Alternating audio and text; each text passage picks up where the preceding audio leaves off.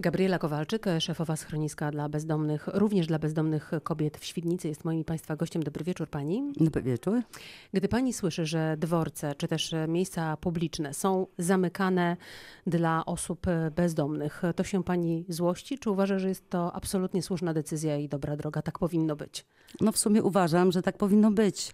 No miejsca jak dworce autobusowe czy kolejowe są przeznaczone dla podróżnych.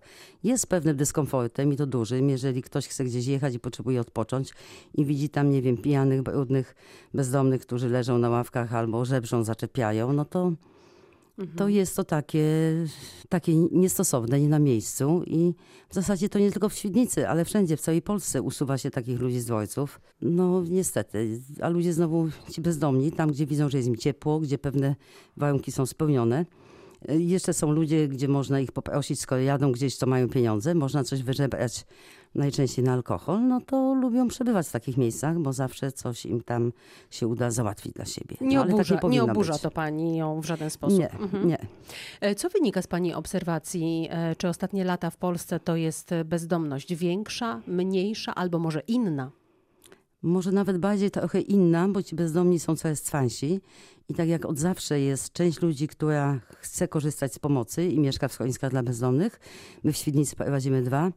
Jedno jest y, takie dla zdrowych mężczyzn, męskie schronisko, drugie jest dla kobiet i dla osób wymagających usług opiekuńczych, dla osób niepełnosprawnych, ale też jednocześnie bezdomnych. Y, także tych ludzi w sumie przybywa, bo potrzeba więcej miejsc na schroniskach. My też nie jesteśmy w stanie przyjąć wszystkich, których by ośrodki pomocy społecznej chciały do nas skierować. Natomiast wielu bezdomnych, tak jak i kiedyś, tak i teraz, nie chce przebywać w schroniskach. Wolą żyć wolno, właśnie w takich miejscach jak na dworcach, w jakichś opuszczonych mieszkaniach, w altankach, w różnych innych dziwnych miejscach, gdzie im się uda e, zagrzać miejsce na dłużej, bo uważają, że tak są wolni, mogą robić co chcą. A w schroniskach obowiązuje pewien regulamin. Trzeba się umyć, o określonych godzinach są posiłki, chociaż dostaje się gotowe i to za darmo.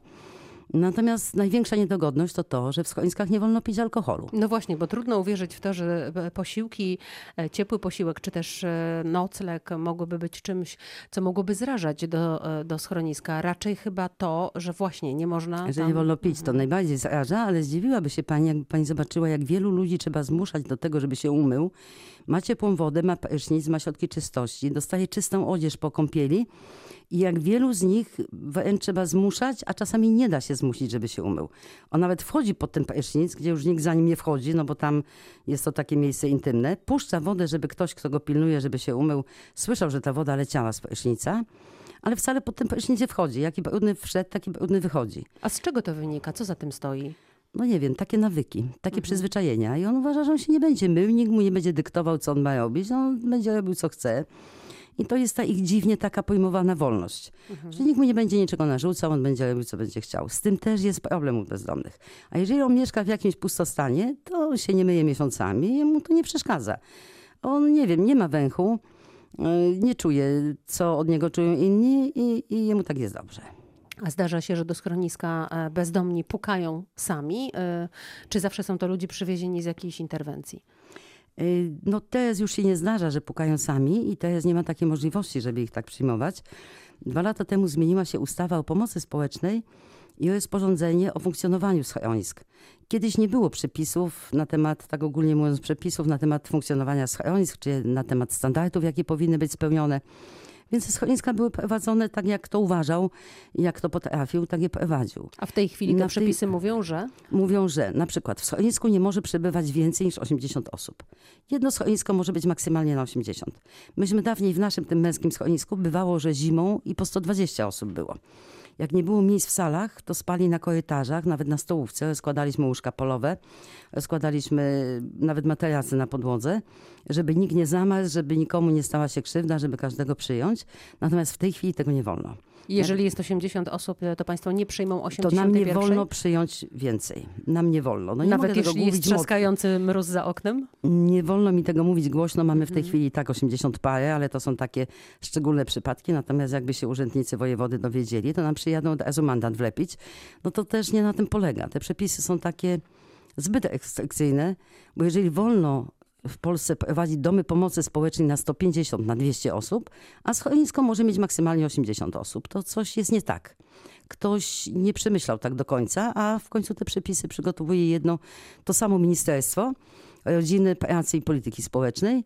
Więc jak wymyślono standardy schronik, co tam powinno być, co powinniśmy zapewniać, to nie pomyślano o innych placówkach, że mogą być większe, u nas nie wolno więcej. A co poza tym, że em, 80 osób maksymalnie w takim schronisku musi e, być i nie więcej? Co w tych przepisach jest nowego? Ta ustawa wprowadziła standardy. Wprowadziła standard y, miejsca zamieszkania.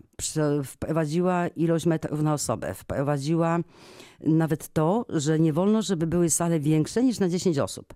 Myśmy nawet mieli taką jedną salę 36-osobową i mieszkańcy, wielu było takich, że mogło iść na małe pokoje, bo za tą jedną wielką było też sporo małych pokoi, takich 3-4 osobowych. Mogli iść na mniejsze i nie chcieli. Tak się dobrze czuli w tym wielgacznym pokoju, gdzie też jeszcze były piętrowe łóżka, żeby ich tyle pomieścić. No tego już nie wolno. My przebudowaliśmy ten pokój na trzy mniejsze pokoje, takie dziesięcioosobowe. Miejsc nam ubyło wprawdzie, ale i tak ogólnie nam ubyło, bo nie wolno więcej.